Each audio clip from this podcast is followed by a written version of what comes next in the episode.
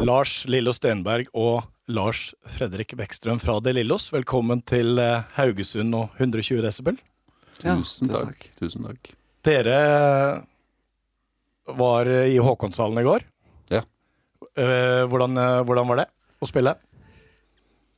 Eh, Det var eh, absolutt en eh, hyggelig opplevelse. Det var eh, litt eh, tanker omkring hvordan det ville bli å spille i den, eh, det lokalet der, for det er så veldig mye ganske svær eh, klang der. Eh, Så vi eh, var litt eh, engstelige for at det ville bli eh, ikke så fint å høre på for publikum. For jeg spilte der før akustisk, men nå skulle vi spille med mer den vanlige varianten. Da, vi, så, men det gikk fint. Vi skrudde oss litt ned, og jeg tror folk syntes det var låt fint. Så det var en veldig Det er en veldig magisk sted å spille, absolutt. Ja, det er jo virkelig litt av et sted, altså. Og historikk og Vi googlet litt på forhånd, da. vet du. Ja. Mm. De gamle kongene. Det er veldig magisk. Og nå, og nå er dere i Haugesund for å spille på eh, Høvleriet. Ja. Mm. Men så tenker jeg dere har Altså, dette er ikke direkte, men vi er i 3. desember nå. I går kom det nye restriksjoner. Dere har Folken igjen i Stavanger. Dere har Rockefeller igjen. Veit dere hva som skjer med dette her nå? Ja, så Her i Haugesund så Så må vi jo fort også få gjort unna denne konserten. Ja, her, her tror jeg det går bra akkurat nå. Ja, men, det, hvis men vi ikke hvis det hadde vært i morgen, så vidt jeg skjønt.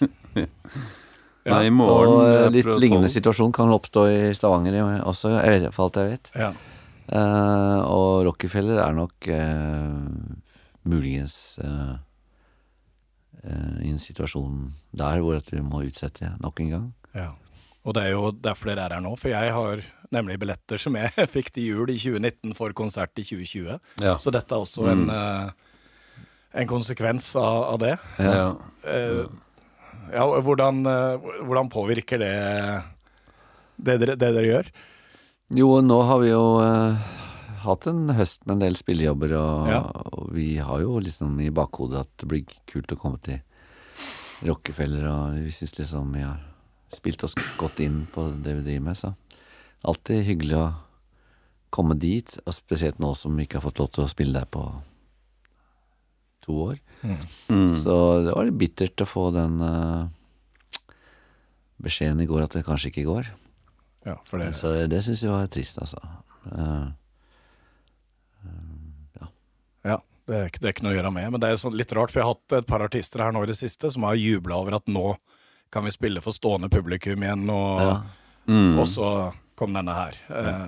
så ja, men vi koser oss med de opplevelsene vi har hatt denne høsten, og ja. hatt uh, Det har jo vært veldig gøy. Så vi får bare tenke at det ordner seg igjen. Ja. Ja. Men dere ga ut eh, en singel for uh, under en måned siden. Ja. uh, hele verden. Mm. Ja. Eh, vi skal komme litt tilbake igjen til den. Ja. Uh, og så kommer en ny skive ja. som heter Evige dager. Ja. Det er en liten fugl som har hviska meg at den er inspirert av gamle progrock og konseptalbum. Kan dere si litt rundt det? Jeg ja. har fått et lite tips om det. Ja, ja, jo, nei, altså det er Det er jo en slags suite, kaller vi det. Men eh, jeg vet ikke om det er riktig navn, ja, men er, alt går jo i ett. Så det er, eh, det er ingen eh, pause, det er bare overganger til eh, nye sanger og overganger. Og så, Ja, har dere te temaer imellom, da, eller? Hvordan? ja, musikalske temaer. Så alt er musikk, men eh, Men eh, ja, det, så det, det, alt går i ett. Man kan jo da digitalt selvfølgelig spole litt og sånn. Ja. Fra låt til. Eller 17-18 kutt så på denne Ja, Det er, noe sånt. ja. 18, kanskje.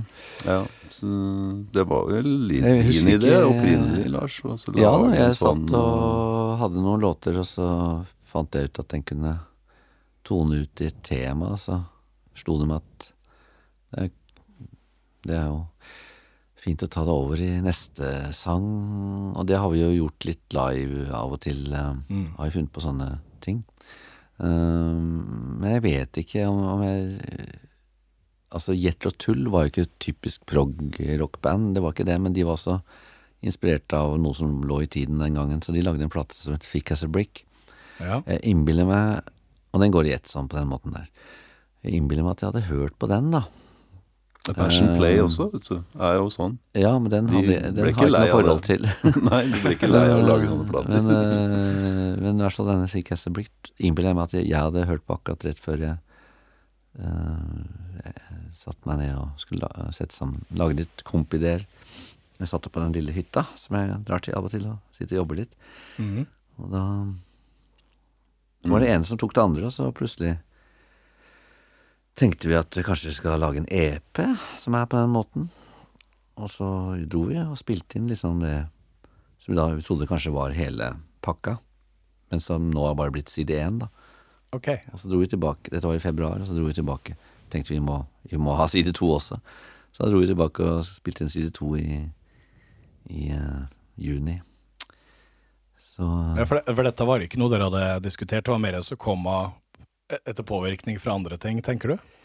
Ja, altså du- Intuitiv uh, Intuitivt og tilfeldig uh, på et vis. Altså det som eh, jeg la merke til var uh, litt gøyalt med det, var jo at musikken fikk liksom litt sånn tyngde. Eller at De Lillos fikk en slags sånn At det er musikken som gjelder, da. Eh, det har det jo alltid vært, men akkurat som det er blitt enda tydeligere. Og det var litt eh, fristende å gå videre med det, for at eh, vi har jo liksom blitt oppfattet som et sånn tekst tekstband, kanskje, for, veldig mange, først og fremst. Mm. Og her liksom, jeg tror folk vil oppleve at denne platen her er veldig basert på at vi har en musikkinteresse, liksom, i det vi driver med. Ja, altså, jeg kan ta deg da, du sier tekstband, men, men er, hva, hvordan er det for dere personlig? Altså, begge to er uh, låtskrivere. Er det melodien, eller er det teksten som kommer først? Hvordan uh, jobber dere med? Her kan dere Ja, jeg tror nok det er litt uh, avhengig av om det er en Altså, noen ganger så er det en tekst som ikke passer til en melodi, Uh, hvor melodien kommer først. og så prøver jeg den teksten på andre melodier. Så, så det, det går litt sånn, for meg i hvert fall eh, Det er opp og ned, altså. Men jeg, jeg lager jo gjerne melodier som jeg ønsker en tekst til, og så men jeg kan også skrive tekster u uavhengig av uh, at det er en melodi til. Så jeg, men jeg tror du jobber vel mer sånn, Lars, at du har en melodi først uansett, nesten? Ja, jeg har veldig lett for å sette i gang og lage et eller annet som ligner på en låt, liksom. Det, uh, Ja. Sånn har det alltid vært. Det er det som er drivkraften. Mm. Jeg var på dette programmet og så Drivkraften er for nå da sa jeg også det. Ja, ja, ja. Gitaren er drivkraften, sa du. Den Gitaren gitaren er ligger jo der ja. borte, Ja, og gitaren, den eh, suger ja. til seg. Stemmer. Så, Men- så det hadde ikke, ikke sant, Tekstene hadde aldri blitt noe av, hadde ikke vært for gitaren. Nei. Og sånn sett så bli, kan man jo liksom på en måte si at musikken er viktigst. viktigst. Mm. Men, men eh, så viser det seg at tekstene har nok kanskje vært vel så viktige da, for at vi har nådd ut til folk. Ja. Men de tekstene tror jeg ikke hadde blitt noe av, hadde ikke vært for gitaren og, og trangen til å prøve å lage noe musikk. Men, men når du da Du sier det går veldig lett. Skjer Kan en låt komme i løpet av de første fem-ti minutta du sitter og setter deg ned? Trenger du å ha noen plan, eller bare blir det, er det klimpring som fører fram til Ja, for meg så er det slik at uh, det, går, det går nesten ikke an å lage en låt uh, uh, på lengre tid enn fem minutter. Nei? Men altså for, for, du, du kan ikke liksom sitte sånn og tenke og gruble og lure og liksom holde på veldig lenge med én akkord eller to akkorder, og så gå sånn liksom i en dag og lure på Skal jeg prøve G-dur, liksom? Eh, etterpå nå. Eh, det, det, alt, det skjer alltid veldig fort Ja. at man eh, har noe som høres ut som en låt. Men absolutt så tar det jo en lang prosess med enten at jeg eh, føler at jeg har ikke truffet helt, eller det er noe som jeg, ikke, noe som jeg syns er litt kjedelig, eller et eller annet. Jeg syns det er noe veldig fint der, men det er noe som er litt kjedelig, en liten vending kanskje ku- Da kan jeg holde på kanskje et par uker med, med det, eh, frem og tilbake, og, og eh, før jeg presenterer det for de andre. Det hender jo. Men akkurat liksom selve hovedimpulsen går veldig fort. Ja. Hvordan, eh, hvordan jobber dere da i forhold til når det, Hvis du, Lars Fredrik, eller du, Lars Lillo, kommer med låt til bandet, og så hvor mye innspill er det fra de andre? Hvor, hvor mye er klart? Varierer det veldig? Så Ja, hvor mye- Noen ganger er, er det mye som er klart, Ja. eh, og Lars har tenkt mye og, og har et arrangement. Eh, Men det blir jo alltid på en måte finslipt og arrangert ut. eh, Enda mer, da, med bandet. Men det, det har jo vært noen eh, ganger hvor man har på en måte Hvor det har oppstått ting ut ifra et riff, eller altså hvor det blir en låt, da, sånn som sikkert mange band har opplevd. At, Mm. Men veldig mye blir skrevet på forhånd, eh, både fra meg og Lars. eh, Sånn, tror jeg. Altså. Det er ikke så veldig mange sånn Det er ikke mange låter som er jammet fram, Mm. tror jeg. Nei, men jeg har jo, Noen, jeg jeg har jo tillatt meg å bruke liksom eh, øvingssituasjonen med dere Ja. som et, et sted å også liksom finne på ting, da. Ja, absolutt. Det, det det har også på, skjedd. på hvilken måte da? Eh, Det er noe med at liksom alle sitter klare, og, og, og vi bare liksom begynner med noe som kunne vært en liten, liten jam over noen akkorder. Ja. Så kan eh,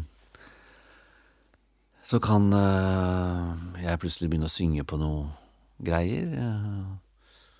og så få en innskytelse. På samme måte som jeg sitter alene. Det går like fort på, i øvingslokalet som alene. Mm. Eh, den, den, det, det som jeg snakket om i stad. Ja. Så da Kokken Thor, et kjent og kjært eksempel, er jo, Ja. var jo at jeg og Øystein dukket opp Det er så lenge siden at du ikke kan ringe til de andre to Larsene og høre hva, hva er det som skjer, liksom. De kom ikke. Uh, så jeg vet ikke hvor de var hen. Uh, Jeg har kanskje misforstått eh, misforståelse. hvilken dag vi skulle øve. Altså. Så, var, det, var det Øystein og meg som var der, og så øvde vi på noen detaljer, så begynte vi bare å spille på noe sånn liksom bluesy, tungt eh, riff, liksom. Som da begynte å ligne mer og mer på det som folk kjenner som kokketor-riffet. Ja. Og så gaula jeg et eller annet, eh, fant på noen akkorder og sang, og så hørte jeg at jøss, det var noen egen energi, tøff energi her.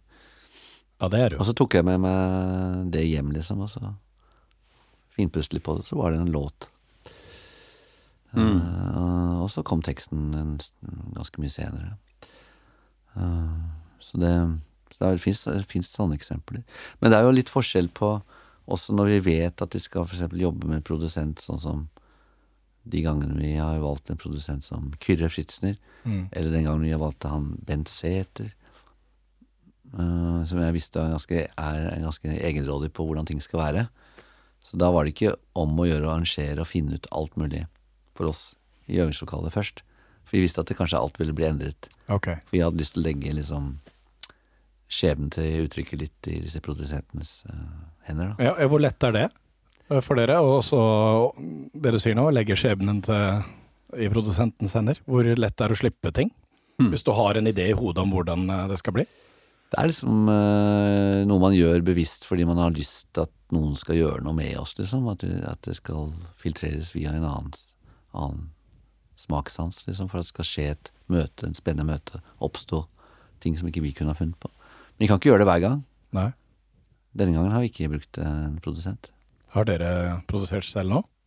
Ja.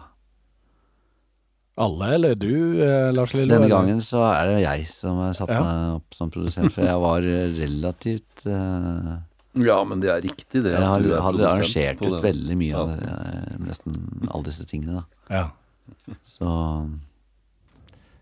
jeg tenkte at uh,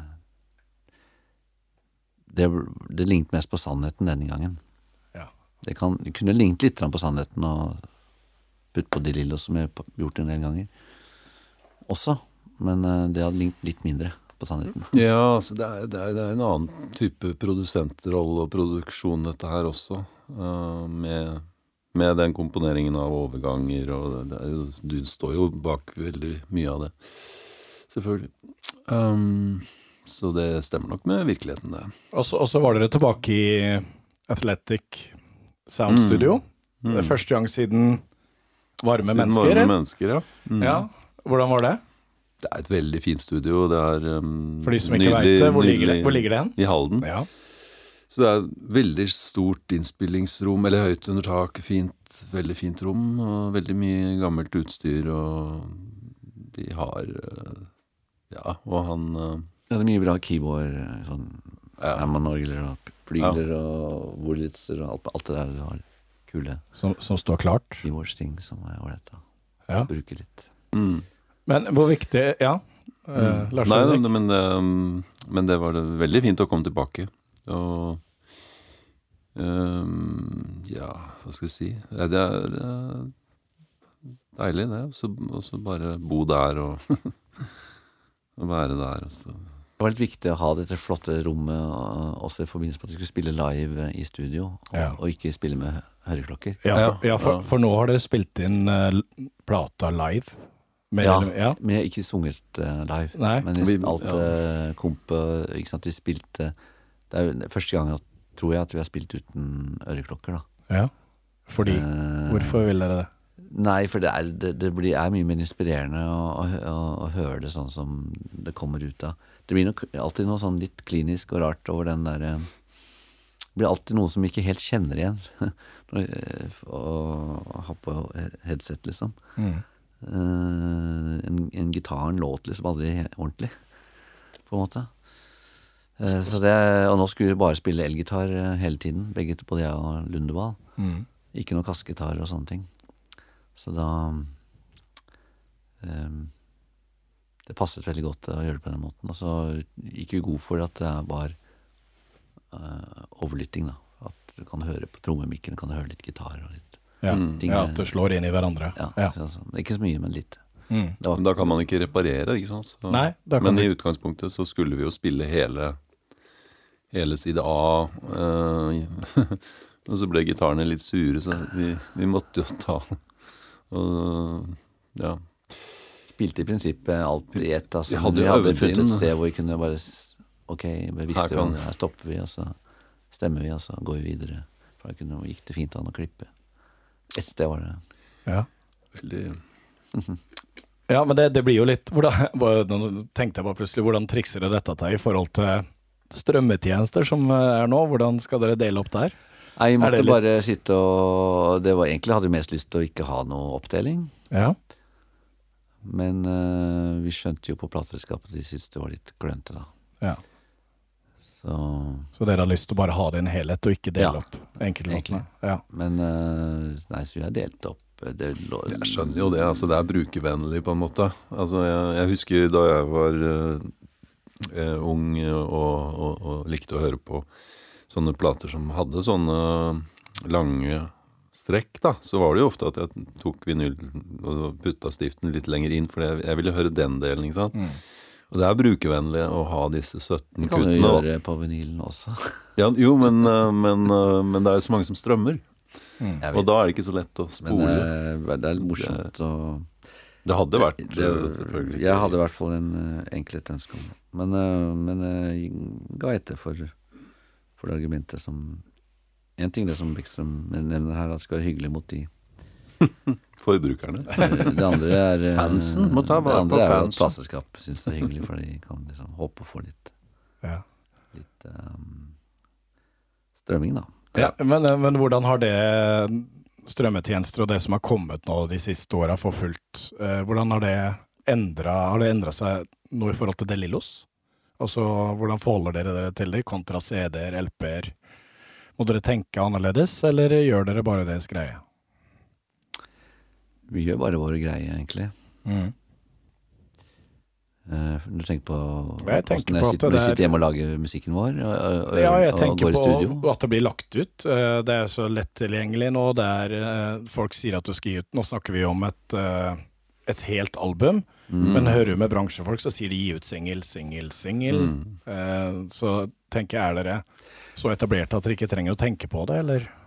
Nei, altså det var jo absolutt eh, noen signaler som kom eh, for en ti år tilbake at uh, albumet var dødt, liksom. Og, det var, og flere store av de store plateselskapene meldte at de ikke skulle slutte med det helt. Det var noe av grunnen til at Drabant oppsto, faktisk.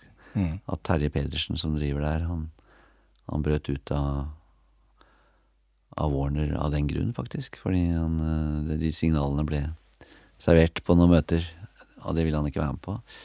For han var eh, fan av albumet og sånn. Ja, Drabant, som er plateselskapet deres. ja. Ja. Mm. Så, eh, så, men nå så ble det ikke helt sånn. Altså. De har fortsatt det er Albumet er stadig vekk det som gjør at at det blir eh, I den grad det er viktig, kan man si, vet jeg ikke, men det er fremdeles album som blir anmeldt i, i sin musikk. I Klassekampen og Nye Takter og de stedene hvor man an, anmelder musikk, da, så er det fremdeles album som får de største oppslagene. Har, har det, det, er, det er liksom virker ikke som det er helt borte vekk ennå. men har det endra lyttevannet deres? Du snakka om at du flytta stiften på spillerne. Altså, ja, men, ja, men har det, har det endra det? Er dere, det har endra mine litt. Jeg var sånn som hørte plater fra A til Å, Mm. og nå Jeg husker alle sangene, tekstene på sangene fra 80-tallet, og det jeg hører på nå, det har jeg glemt. Liksom. Mm. Ble det ikke ødelagt litt med CD-en også, da? Det der at du begynte å venne deg til å skippe Ja. neste låt, liksom. Det er et poeng. Det skjedde jo allerede da. Ja. Mm. Men, men ja, men da var det fysisk format, ja. og, og nå må man på en måte være musikkfan for å gå og kjøpe vinyl. Altså, jeg tar meg i det selv at jeg på en måte tenker at den skulle jeg gjerne hatt på vinyl. Da, da drar jeg vel kanskje til Big Dipper og kjøper den, og så gjør jeg det ikke allikevel.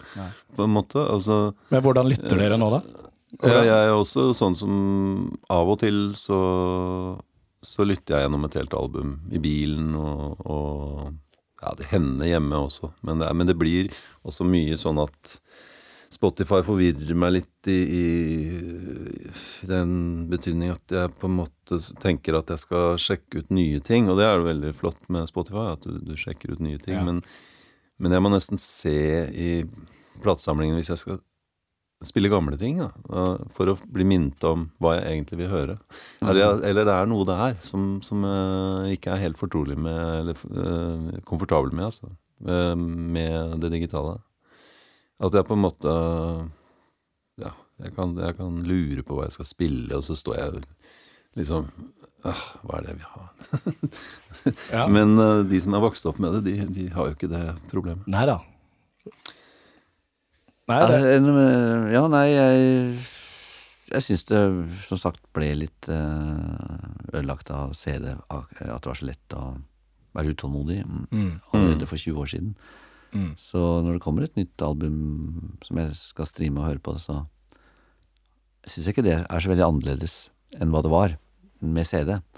Nei. Men klart, når jeg hadde kjøpt eh, Jeg kan jo innrømme en annen ting, er jo at, at uh, vi kommer inn i litt sånn dårlige vaner allerede på 80-tallet med at uh, vi stadig vekk fikk uh, plater av plateselskap og, og, og manageren vår hadde noen greier sånn Du må høre på denne her, liksom. Hør på den. Så for meg var det en veldig hellig ting i alle mine ungdomsår og litt inn i voksenalderen å gå og bruke disse pengene og, og kjøpe denne platen og investere tid på å like eller finne ut om jeg eventuelt kanskje ikke likte den, men stort sett så fikk jeg sansen for veldig mye av det jeg hadde bestemt meg for å like på forhånd. Ja. Fordi jeg hørte nok på det, og tok de aksepterte de valgene som artisten hadde tatt, liksom, på et eller annet vis. Mens eh, så begynte jeg, husker jeg, å venne meg til å få liksom ti plater i måneden. Uh, og, Ja. ikke, og ikke høre ordentlig på dem, liksom. ja, ja. Det var ikke snart. Eh, Altså. altså, egentlig ble det litt for min del litt ødelagt allerede da. Men uh, klart, når det kommer en ny Neil Young eller et eller annet sånt som jeg har gått og ventet på, så, så spiller det på en, på en måte ikke noen rolle om det er på Spotify eller Altså, jeg er like opptatt av å høre Ja. helheten likevel. Ja, Jeg fikk jo bare en sånn digresjon som jeg kom på når jeg, jeg spilte fotball da og var tenåring. Og kom halsen inn i garderoben av og til. Og da fikk jeg litt det du snakker om. Da sa de andre 'skulle du høre BC òg, eller?' Sa de til meg. For de visste at jeg satt på plater mens jeg pakka bagen og, Ja. og dette. Så det er det å høre hele. Det, det kjenner jeg meg igjen i. Ja. Mm. Uh, men vi snakka litt om det med, med studio. Uh, tidligere, dere har vært i Danmark, dere har vært i Frankrike, dere har vært i Abbey Road. Altså, hvor viktig har det vært for dere å skifte lokasjon uh, fra album til album? Hvor, hvor gjennomtenkt har det vært? Det har vel vært gjennomtenkt. Ja, altså, Det er- ikke sånn men, det er, men eh, eh, veldig gode ideer som ligger bak det. Ja. Jo, jo. Abbey Road er jo en drøm, og mikse i New York og sånn er, er jo også Det er jo, du, du har jo ofte hatt ideer på dette her, Lars, og det, det er jeg veldig glad for. altså Takknemlig for at vi liksom fikk dra andre steder. Uh, og at det er viktig for uh, Det er sånn, det er en sånn vitamininnsprøytning, det er en opplevelse, det er et eventyr liksom å dra til utlandet og, og spille inn ting. Ja. Er det for å få den energien, ekstra boosten? Ja, det er i hvert fall stas. Og For gøy. min del så er det jo for at, uh, at det skal være en unik uh, førstegangsopplevelse hver gang vi lager et album, Ja. liksom. Ja. Mm. ja. Ehm, så eh, bare én gang så har vi, har vi vært Dro vi tilbake og spilte inn plate i samme studio. Og det husker jeg jeg fikk nedtur på. Det var eh, Det var jo neste sommer så vi spilte inn i Rodeløkka studio, et veldig hyggelig og kult studio som vår venn Jørn var studiosjef på. ja. Jørn Christensen? Ja, og da hadde vi jo forstått jobbet med Kyrre der, som var var hans assistent først, og som tok, tok mye av produksjonen der. Og så ville vi tilbake igjen. Da var det Jørn som skulle sitte der, og, og spilte vi den, den plata som het um, Sent og tidlig. Og det blir jo en lang og fin uh, plate, så masse fint på den, er ikke det, men jeg husker at det var tungt Mm. å være uh, samme sted to, to innspillinger på rad. Det Mm. var liksom det var veldig uvant. Og jeg, tenkte, jeg tenkte at det Det skal jeg ikke gjøre igjen. kan godt komme tilbake til et sted før eller senere, men Ja, men ikke, Ikke- ikke, ikke- etter hverandre? hverandre. hverandre? Nei. Fordi at det frigjør litt mer energi når dere ja. skifter steder. Mm. Ja. Uh, men det, du nevnte det med Du hadde vært i Drivkraft, Uh, en, eh, et radioprogram, podkast. Mm. Dere er fryktelig produktive. Dere er jo det. Uh, du, Lars Lillo, du har gitt ut plate med Bugge Wesseltoft eh, i år.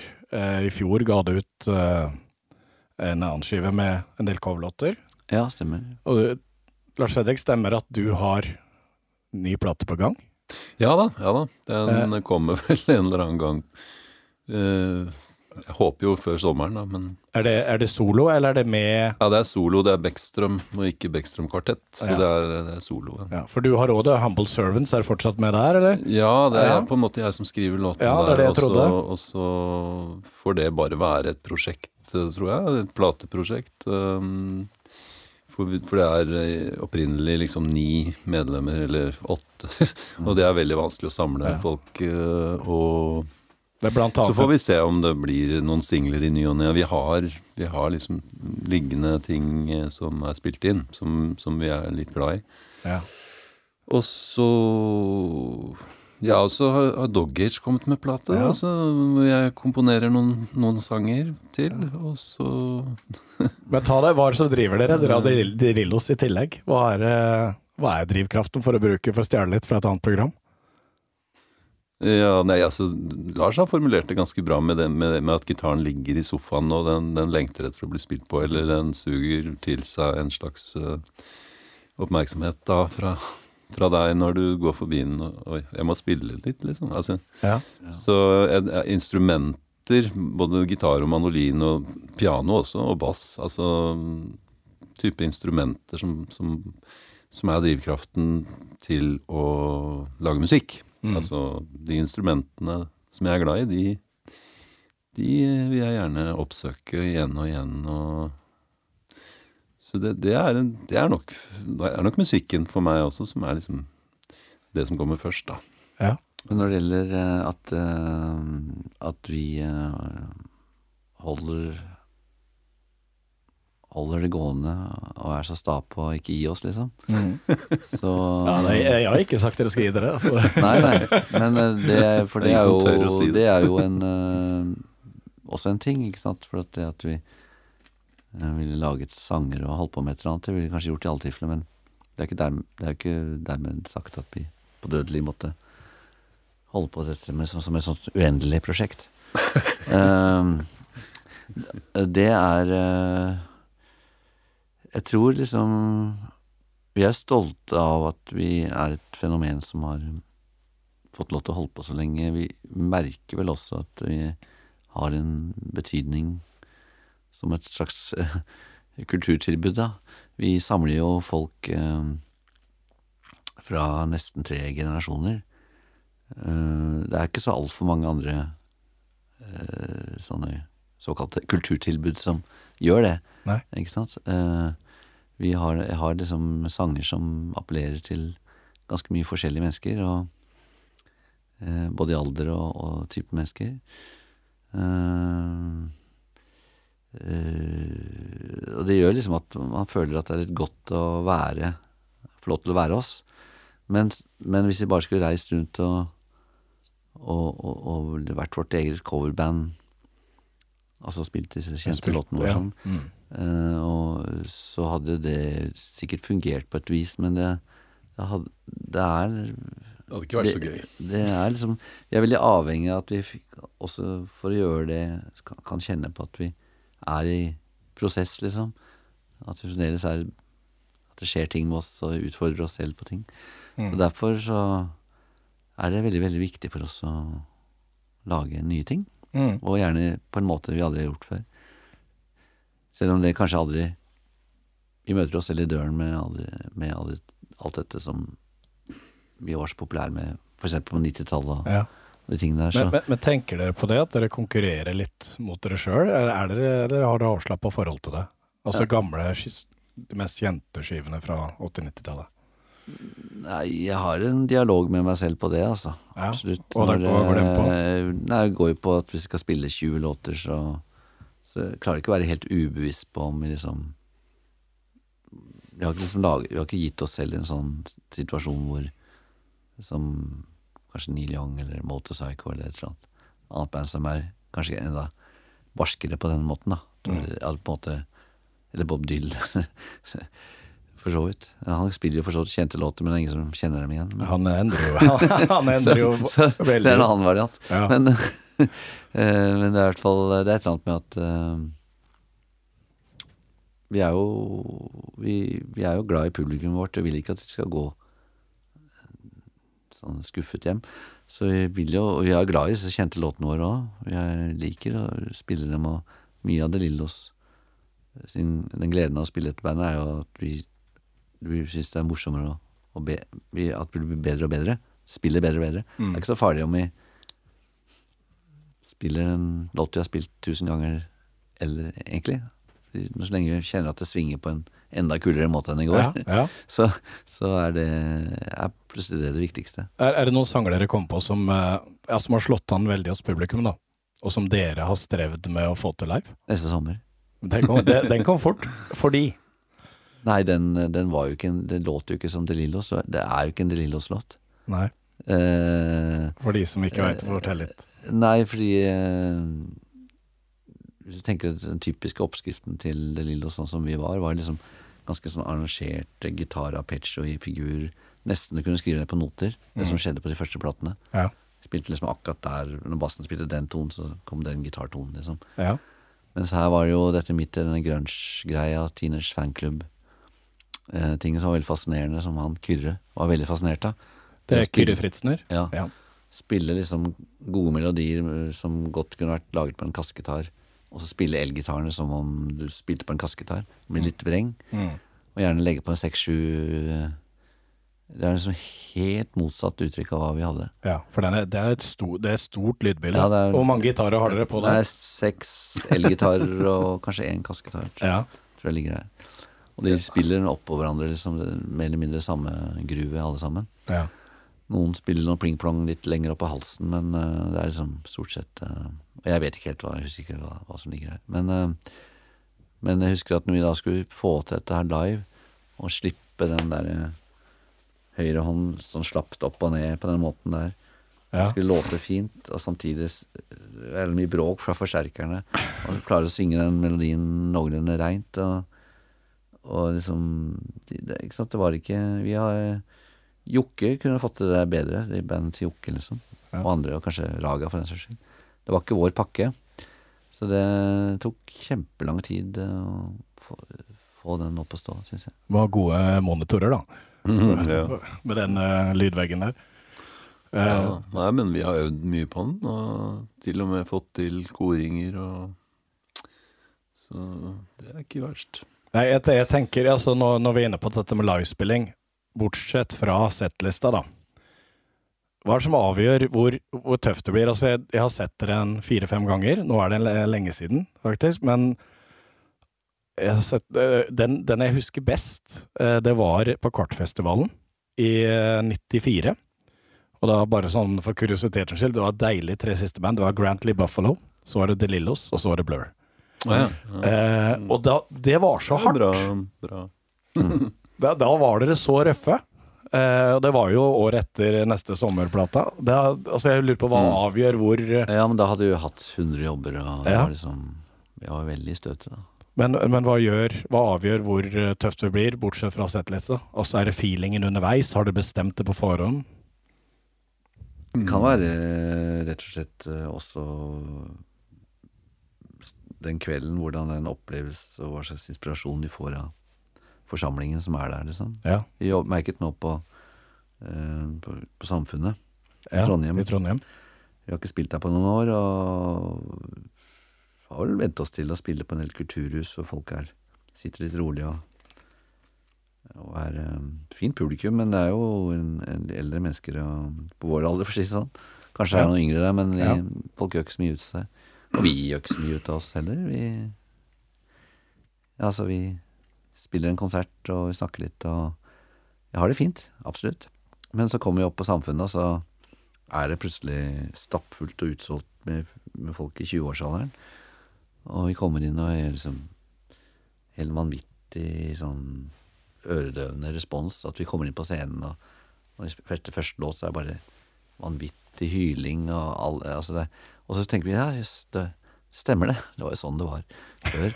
Men så, og da merker jo vi at jøss, er vi, vi er jo kanskje fremdeles et sånt band som eh, som var Som passet til det publikummet, for å si det sånn. Og da kom det en enorm eh, kraft som jeg ikke hadde regnet med selv heller. Veldig, jeg var fysisk sliten etterpå. På en annen måte enn jeg pleide å være. Det, det, det er ikke sånn at dere blir frista til å gå bort og skru på forsterkerne. Snakka med Erlend Ropstad, han sa det at eh, lydmannen ble litt irritert av det, for når han ble gira, så gikk han bort og Skrudde skrudde, ja. litt høyere. Nei, Dere er ikke der uh... Der var vi nok, ja. Ja. Det har vi slutta med, Ja. faktisk. Trenger ikke det lenger. Det er lydmannen Vi vet liksom det at uh, låter Det er ikke så lett. Vi vil gjerne Kanskje enda mer glede av å synge nå enn før. Mm. Da var det deilig å slippe å høre sangen nesten. I gamle dager, kanskje. Bare pøse på. Ja. Hvilke Altså, jeg, jeg har hørt og lest nok om deg, eh, Lars Lillo, til å vite at du ikke liker minst og mest. Eh, men Og Lars Fredrik, du har sant, kjente låter 'Feite mannen' 1984. 'Søster' liker jeg veldig godt. Eh, den syns jeg er utrolig fin. Men eh, hvis dere kan tenke en låt dere er fornøyd med selv å ha skrevet i De Lillos, som man tenker her, dette, der satt det. Lars Fredrik først, kanskje? Tja Tja Det er vanskelig. Ja, det er litt vanskelig, for Ja. det, Jeg syns jo vi har løst en del um, Eller flere, flere sanger jeg, jeg syns vi har løst godt. Ehm, men ehm, Gud, jeg vet ikke. ass. Det er jo Skulle gjerne sagt en av de nyeste, liksom. Fordi Og det kan du. det kan jeg Det er din personlige mening, ikke hva jeg tenker hva dere føler sjøl. Mm.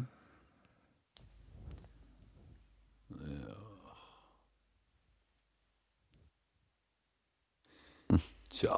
Den var, den var, den var vrien, den. Tja. Jeg kan si Ja. at eh, Jeg pleier ikke å ha noe lett for å svare på det der, men, men, uh, men her forleden så hørte jeg på en, uh, den EP vi lagde, med låter som for så vidt ble valgt bort. Et par låter blant annet som ble valgt bort uh, når vi skulle sette sammen 'Kaste alle papirene'-platen. Og eh, fordi vi syntes at den plata ble så Vi ville gjerne ha et helhetlig uttrykk, og skulle ha det litt sånn hyttepreget som, som Den ble spilt inn på hytta og miksa i New York. Så vi ville liksom gjerne ha en sånn litt sånn røffe feelingen som mange av låtene hadde, men så var det noen som var veldig, ble veldig forseggjorte, da. Tenkte det passa ikke så godt inn, og så bare ble det til overs. Så vi satte dem på en CD som vi ga ut under navnet Ikke gå. Mm. Og der hørte jeg en låt eh, forleden som eh, heter Fange i sitt eget bur. Mm. Mm. Og da ble jeg ganske sånn overrasket over eh, at den syns jeg var virkelig var bra, altså.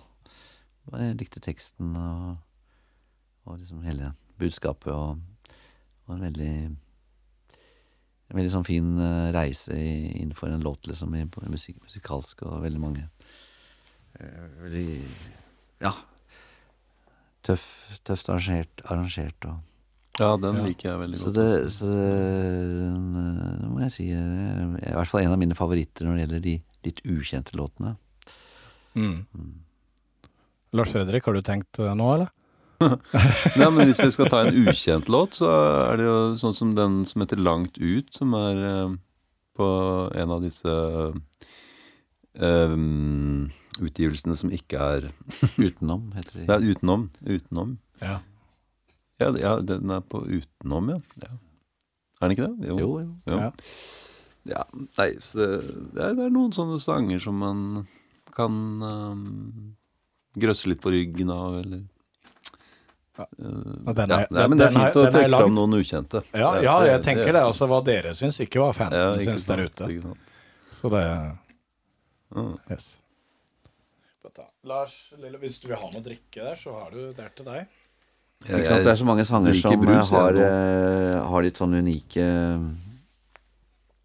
uh, Sine egne små unike kategorier. Noen er alene om å være akkurat en sånn sang. Gjerne alene er å bli en, alene om, å være- om å være en sånn en sånn type sang, for det høres liksom Vi pleier å tulle med at den verket vårt, liksom. Mm. Det høres litt ut som en Vi har også merket det de, de gangene vi har invitert uh, flere musikere inn, både nå sist med KORK, og at den har liksom en sånn ting som man kan bygge ut veldig.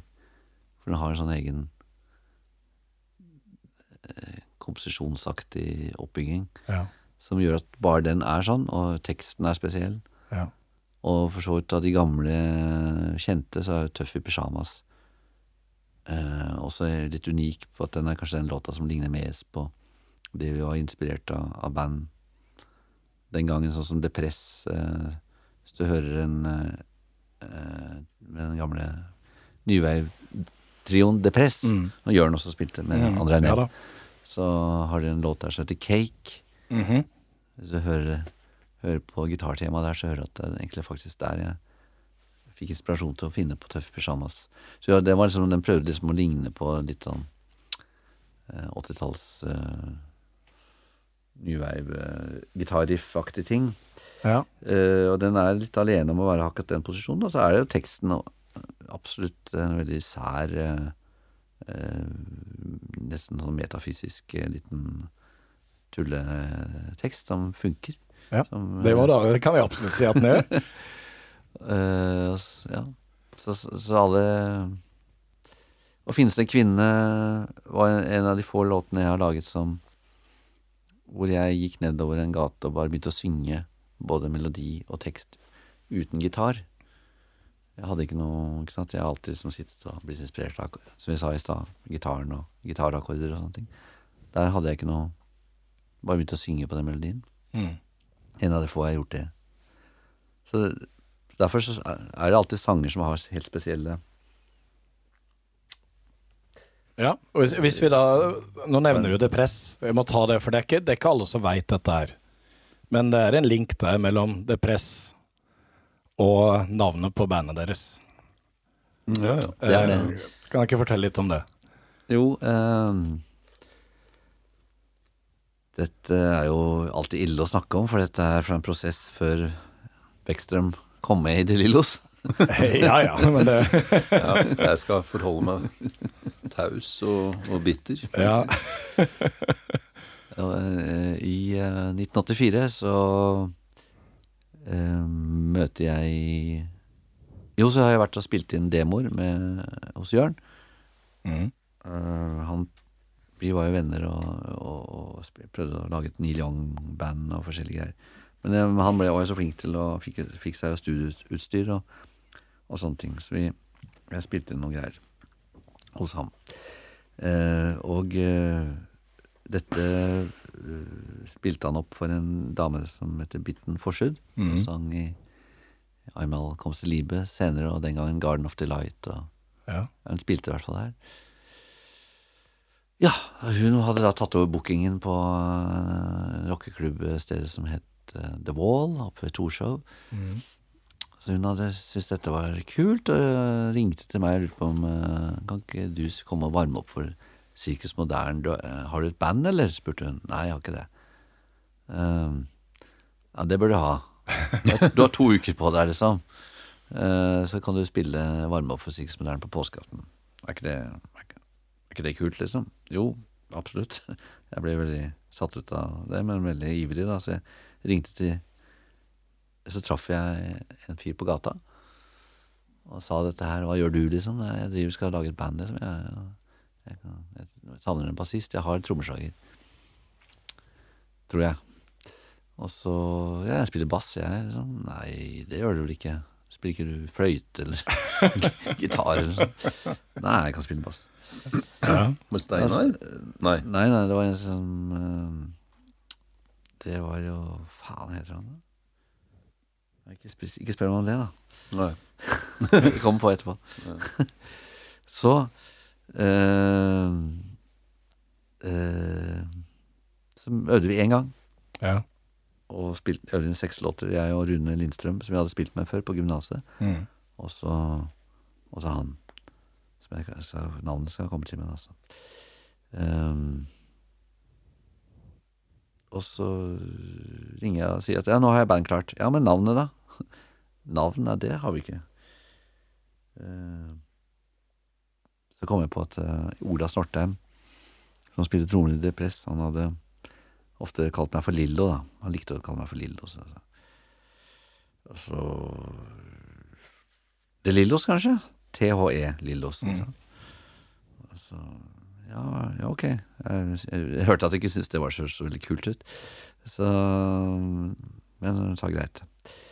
Eh, men så kom jeg på Faen, vi synger på norsk. Det er ikke noe kult med TH, altså det, Lillos. Vi synger på norsk, liksom. Så Og så tenkte jeg bare på Depress, da. Mm. Mhm. Med det. Mm. For, eh, så ringte jeg opp igjen en time etterpå og sa at nei, gjør det om til DE Lillos. Og så sa jeg til de andre at jeg måtte bare finne på et eller annet, så vi finner på noe kulere neste uke. Her. Og her sitter vi. Nei, jeg sier- ja. Ja, men er dere to, da. Eh, Lars Fredrik, når, når ble dere kjent? Eh, når traff dere hverandre? Når eh, Eh, altså jeg husker at eh, Lars kom innom musikkforlaget der hvor jeg jobbet og solgte strenger og sånn. Eh, Jeg, jeg solgte strenger og re rekvisitta og sånn. Det, jeg hus har faktisk en eh, husker faktisk det. Men eh, andre gangen jeg som uh, husker, er Jeg bodde jo i dette gamle trekkfulle huset sammen med broren min og Maja. Og det var flere som bodde der etter hvert. Um, og da bodde Jørn i stallen som lå i, i hagen. For jeg vet ikke om han hadde problemer i forholdet sitt, eller hva det var. Men han hadde trengte et sted å bo, i hvert fall.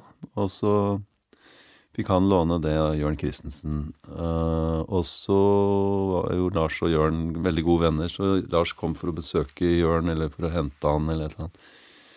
Så da kom han på døra, og så Vet du hvor Jørn er? Uh, nei Han var jo ikke der, i hvert fall. Så det var andre gangen. Og tredje gangen så traff vel egentlig du Tinken, min kjæreste. Var det ikke noe sånt? Jo da, Før du traff meg, på en måte? Eller vi jeg avtalte kjente jo Tinken godt uh, før han ja, ja, deg, så ja, ja, du kjente henne før meg. Uh, jeg spilte i et band som het Manifest, som, hvor uh, vokalisten tok selvmord, og, så- og så ble det oppløst. Og så, Oi. Ja. og så um, Så da Lars spurte meg om Eller han spurte Tinken om, om Hvordan var det? Eh, om jeg var ledig, holdt jeg på å si, eller om Spiller ikke Lars bass, eller et eller annet sånt? Jo, jeg møtte henne på svært arrangement på Vikateatret, og, Ja. og eh, sa at jeg ventet på å høre fra Harald Bekkstrøm. ja. Han eh, hadde sagt at han godt kunne spille bass. Men han forsvant jo ble til Spania, kom aldri tilbake. Ja, han var der lenge, ja. Eh, Hvor er det av han, liksom? Ja, men Lars, spør du ikke Lars, ja, Tinken. Mm. Uh, ja, men er ikke han er, ikke, er det ikke noe jeg, vet at, jeg trodde at du var involvert i noen andre greier. Så, så kom du bort. Så spurte jeg, så avtalte vi øving eh, bare et par dager etterpå. Ja, jeg, jeg var der, jeg også. Ja, Ja, Du var sto og snakket med noen andre? Jeg sto og snakket med noen andre. Sånn det var. Jeg hadde for meg at det liksom Ja. Mm. Nei, så Så det var fra det ene til det andre. Og det, det hadde jo ikke gått med broren min. Det hadde jo ikke det. Det hadde gått, det hadde gått veldig dårlig. Han er liksom kverulant. Nei, det skal jeg ikke si på radioen. Det er bare podkast. Men, eh, men eh, du, du nevnte dette med, med påvirknings... eh, Altså inspirasjon til, Tøffi Pysjamas. Steinar Wikan, manager og, og tidligere Liljedugg, vel? Eller kanskje fortsatt Liljedugg. Jeg har sett den Punks-serien. Der han sier at det hadde vært utenkelig med de fire store uten punk. Altså dere, Raga, Jokke og DumDum. Hvordan forholder dere til det? Hva tenker dere rundt det? Hvor, hvor påvirka var dere av punk, new wave til å begynne med? punk og punk, holdt på å si. eh, Det er klart, eh, alt hørte jo sammen i en svær eh, pakke av forskjellige påvirkninger og, og, og liksom årsak og virkning og i forhold til en svært miljø, da. Hva som førte til ene, førte mot andre. Så om ikke et punkeband direkte uh, inspirerte meg, så, så kan du si at jeg ble jo inspirert av andre prosjekter som hadde blitt inspirert av punken igjen. Da. Ja. Ja. Så, Så har du holdninga, da? Var det noe der? Eller altså det å så kunne få det til? Ja, jeg tror, jeg tror det, det Altså, det smitter jo over alt det som uh, denne Disse miljøene uh, Det var et skikkelig bra rockemiljø i Oslo på den tiden. Det var jo det. Og i flere andre byer også. Det var masse rockeklubber som grodde opp. Eller Det var et eller annet som gjorde at det var veldig sånn frigjørende tid. eh, For det var lettere å få spillejobber plutselig. Altså, eller det var, det var liksom en sånn giv. Eh, det var det, altså. det ble jo liksom et, eh, et villnis av masse forskjellige folk, som både de som drev med sånne fanziner og, og skrev om ting som skjedde, og etter hvert ble jo det musikkaviser og sånn, pluss uh, uh, alle disse små studioene som dukket opp, at det var mulig å spille inn ting for en billig penge. Eh, små, rare plateselskap som ga ut disse tingene, en singel eller to. Og, og management-folk som eh, også kom i kjølvannet av det, da, som ordne, sånne ordne-fikse-typer som var helt sånn der litt artiske. Sånne folk som da plutselig gikk i dress, og så skulle være sånn. selv om de tilhørte liksom punkeverdenen, så skulle det være litt sånn. Ja, ja, Noen typer Ja, ja. det het alle sammen. ja, ja. Men eh, Det var en Sven het han bassisten, forresten. Jeg kom navnet. Sven, ja. Der kom du på, Sven. Men, men etternavnet La oss, bare, la oss bare kalle han Sven. Woslef. Ja, men det var veldig optimistisk eh, tid, da, selv om det var mye dyster uh, nyveiv, og, og folk gikk i sort og svart og med øyenskygge og sånn. Ja. Eller det var, det var jo alle mulige slags folk, selvfølgelig, men det var jo Men uh, det var en optimisme, altså, i det der. Og vår debutkonsert var jo på et sted hvor eh, svartrusen hang, da, som broren min, broren min kalte det punk, punka for svartrusen. Ok. Ja, ok. så, så vi spilte jo på Renegat, liksom. Og det var jo absolutt et veldig uh, svart uh, Det var malt svart og alt. Var Ja, liksom. ja. Så det var, det var spesielt at vi fikk lov til å spille der. Men vi fikk jo ikke lov til etterpå, da. Der skulle skulle gå ned og hente gjøre opprør, oppgjøret dagen etterpå. Ja, ja, ja. Ja. For da hadde jo vi trukket en 100 mennesker. Jeg hadde sagt fra til Gud og hvermann, da, ikke sant. ja. Så det var et bra oppmøte. Mm. Han hadde sagt på forhånd, han Ola Gustavsen som drev der, at, uh, at hvis det er, kommer 100 folk, så kan dere få en sjanse til, liksom. Ja. Nei, så Så var det Nei, han ville ikke at vi skulle komme tilbake der. Hvorfor ikke? Hva- var galt? Nei, jeg vet ikke helt. Jeg hører rykte om at det er vestkantrock. Ja, Så, så hva? Hva er det for noe? Hva er vestkantrock for noe, sa jeg. Nei, ikke, det aner ikke jeg, jeg var ikke her, men eh, Men eh, det er ikke helt greia vår, i hvert fall. Og så Ja, men hva, hva mener Hvorfor? Nei, så viser det at min, min bror på den tiden, da, han, han kjente jo masse folk ja. som eh, Som eh, gikk på teaterkafeen, og de, de, de levde ut en litt sånn der Et par av dem da var ganske uh, spesielle typer, altså, som levde ut en sånn litt uh, bohemsk dette, dette var liksom lenge før Ari Behn og Per Heimly, liksom. De, de tok den veldig hardt ut på det bohemske levesettet med uttalelser og latter og ting. Og så var det en fyr som gikk rundt i salen der hele tiden og sa You are so decadent! Han skrek sånn høyt. Og, var det, og, og en annen kom med, med, med sånn med, med Panama-hatt og, og sånn øh, Røykte med sånn Munn- munnstykke. munnstykke. Ja, ja, ja. Og sånn. Eh, Steinar. Sto der og var skikkelig rare typer, da. Som ble toneangivende for kvelden, og da, da ble det begrepet skapt. Vestkantrock. Og da var det bannlyst derfra. Da var det ikke mer der. Nei. Og, det, og dette nevnte vi i første intervjuet i Beat. Ja. Og så ble det enda og en, gjorde oss selv både en bjørnetjeneste og en tjeneste, for dette ble jo ryktet om oss, da. Ja. Eh, at vi var eh, vestkantpop, eller rock, eller Så ja, det er jo det hang ved oss i mange år. Er det der ennå, eller? Jeg føler at det er kvitt, Sikkert en føler at det er kvitt det nå. sikkert en eller annen eh, på desken i VG som fremdeles kan kvittere med en eller annen replikk. Bryr det dere noe lenger? Er det, har vi ikke forhold til anmeldere der? Det gikk jo over allerede når vi dro på første norgesturneen, og det kom og dukket opp folk i Overalt i Nord-Norge, for eksempel, hvor de folk ikke forholdt seg til bydeler i Oslo, liksom. Mm. Så det Det forsvant litt etter hvert. Altså. Ja da.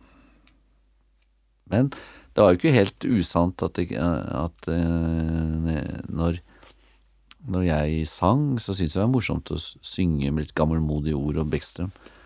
Lars Fredrik her, han bruker jo også det ganske Mm. mye.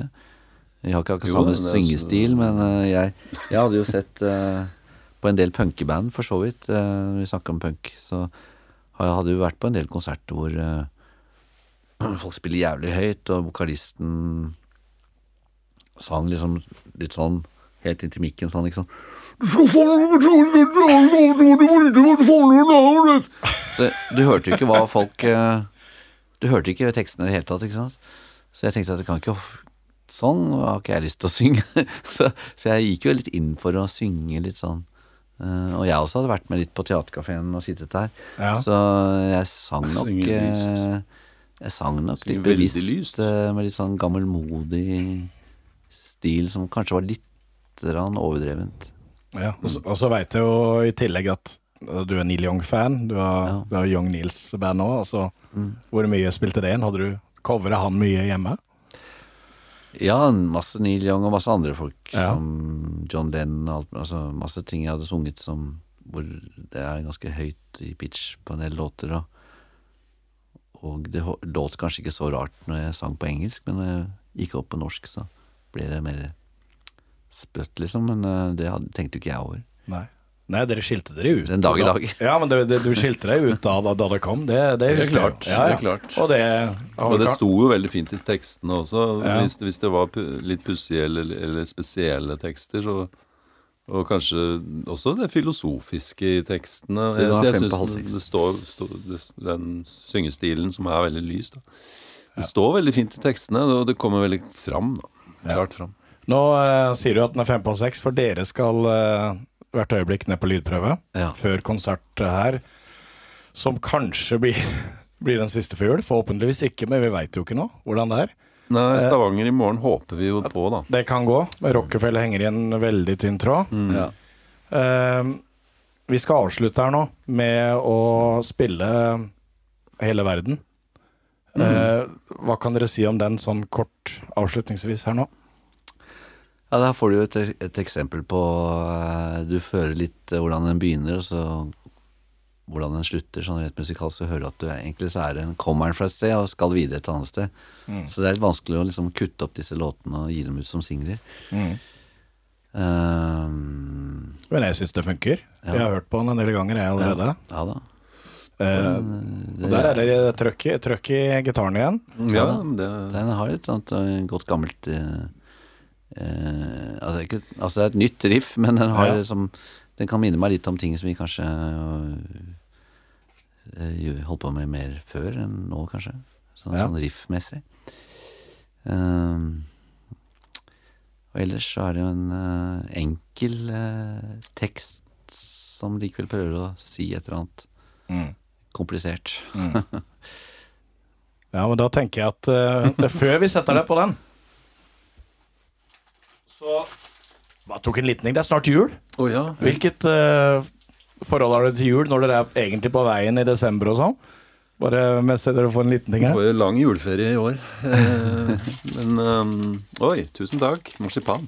Det er jo noe av det beste med jula. Ja. Ehm, nei, det er familiens høytid, og det er, eh, det er, eh, det er, det er eh, veldig, veldig hyggelig. Altså. Det er litt mye jobb men det er, eh, og stelle i stand, men det er Ja. veldig hyggelig. Ja. Og, og Lars Lillo, du har et pinnekjøttriks. Det må du ta raskt før du går ned på lydprøva nå. Ja For det hadde ikke eh. Ja. Um, Vi har teksta litt. Jeg vet ikke om folk uh, vet det, men uh, man kan droppe sånne pinner som man går og kjøper uh, når du skal koke kjøttet. Man kan bare legge potetene i bunnen. Mhm. Og så kan du Og en annen triks er jo å fylle på med øl. Ok. Bare sånn litt over potetene. Og så øh, Og så bare kan det koke i mange timer, øh, for at det er så mye salt i pinnekjøttet øh, at, at de holder på fastheten. Og så blir de kjempegode. Så det blir ikke potetmos oppi der? De Nei, det blir de kjempegode poteter. Smaker veldig godt. Poteter i vann, øl oppi. Da har vi, det har jeg ikke prøvd før. Nei. I det hele tatt. Poteter, øl og, og pinnekjøtt. Eh, da Ikke vann. Ja, du kan, kan øh, ha vann og, og øl, øh, men bare øl, da. Går faktisk an. Herlig, da, da vet- veit vi det. Bukkøl. Da sier jeg tusen hjertelig takk, Lars og Lars, for at dere kom på besøk. I like måte. Hyggelig. Og, Ja. Og jeg gleder meg til konsert, for den skal jeg eh, se. ja, så bra. Og så uh, avslutter vi med Hele verden. Ja, herlig. Hele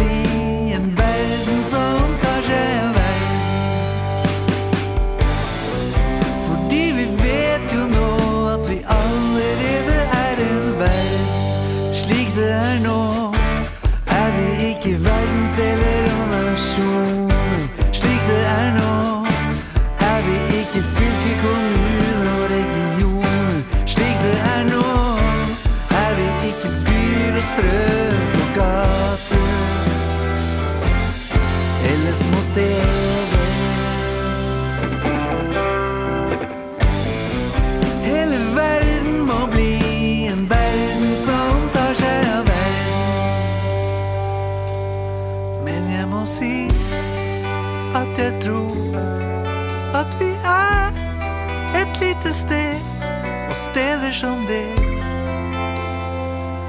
blir til sammen vår jord. For er det noe vits hvis disse forsvant? At vi gikk fri hvis det blir sant at vi ikke er.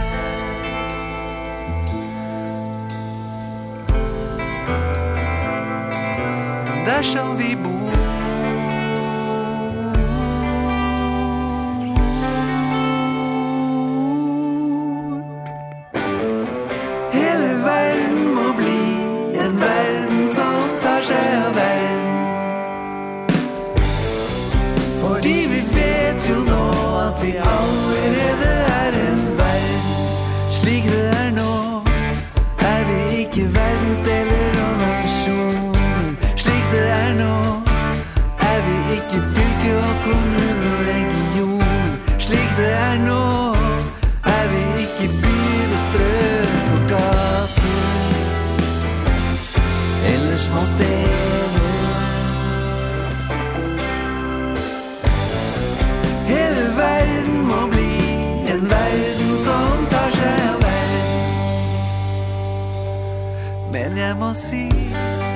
at jeg tror at vi er en liten plass, og en liten plass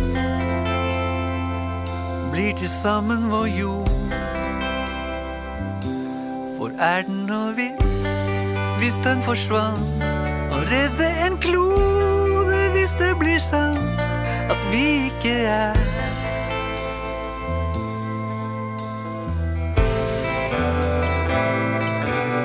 Dersom vi bor